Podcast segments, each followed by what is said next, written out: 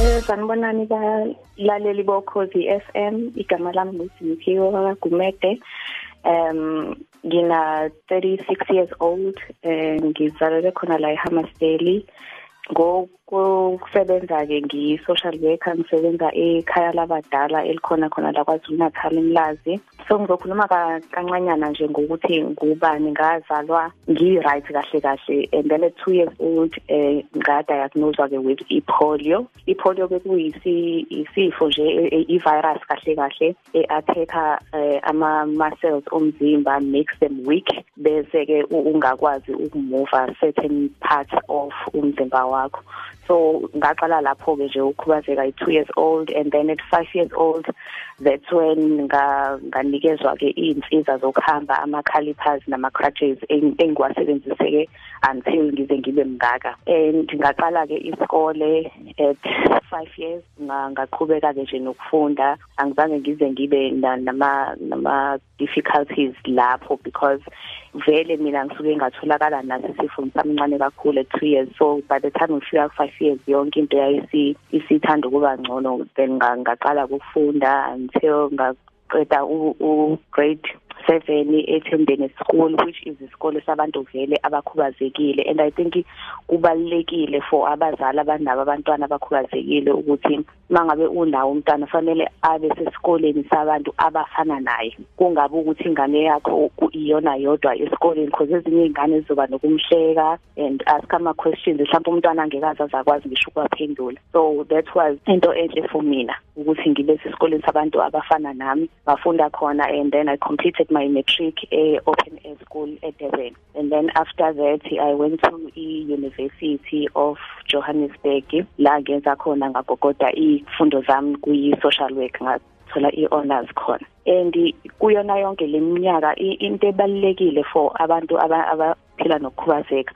Ukuthi i-self esteem yabanye abantu iya kuya ngokuya ilimala and ne confidence bangabi nayo. So for mina i would say uthi abantu abakhubazekile they must try and do things ezizo booster i-self esteem if it's modeling hamba uyomodela. If it's it's sports dlala ama sports because lezi nje ziya expose ekuthenini ukwazi ukurelate nabanye abantu abanesifo esifana nesakho noma ke abanokukhubazeka. And also with abanye abantu abanormal aba-ambulant nje. Lokho kuyasiza ukuthi nikwazi ukuthi ku-relate nabo babe ne-understanding ukuthi yini oyidingayo ikuphi la ungasizwa khona and kusiza kakhulu impela ekuthenini uphile impilo ekuyiyona mpilo e-comfortable wena abantu bek-understand ukuthi unesifo so abantu abakhubazekile they must do lezo zinto lezo and be part of i-society because ukuhlala uzivalela endlini nokuzinyeza angeke kuze kukusize ngalutho elifeni so kubalekile ukuthi asiphume sibe out there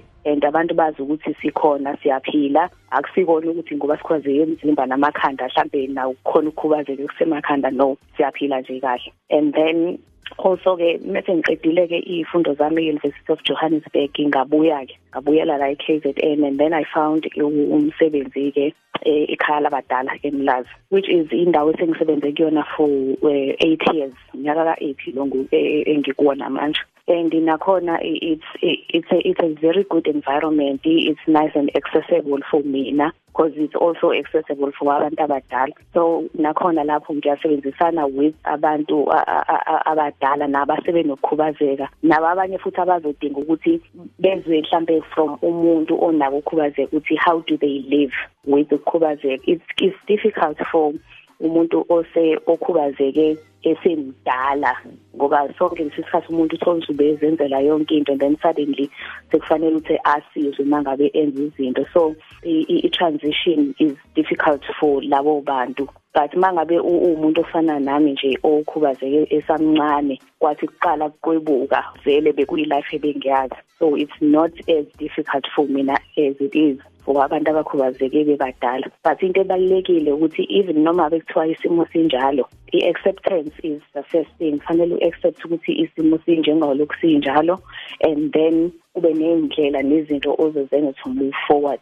Because i-life is all about moving forward mangabe wenza izinto and be part of i-society. Iloko nje ngingakusho kubantu abakhubazekile nabazali abaney'ngane ezikhubazekile. Please look after abantwana benu ensure ukuthi ubanikeza the very best care abayidingayo. Yes yona i-care yiningi edingakalayo ama-responsibilities maningi but just provide leyo care and support umuntu okhubazekile. Because as much as umuntu edila nalesifo but psychologically as well. Umuntu fanele abe abe sound abe psychologist psychologically sound eh ukuze aphile kahle impilo e right so um yeah i life ingiphathe kahle impela mina. With my disability i have managed ukuthi ngi-accomplish izinto ey'ningi. Mhlampe abanye abantu abangenawo ngisho amandla ukuthi bazi-accomplish to this point.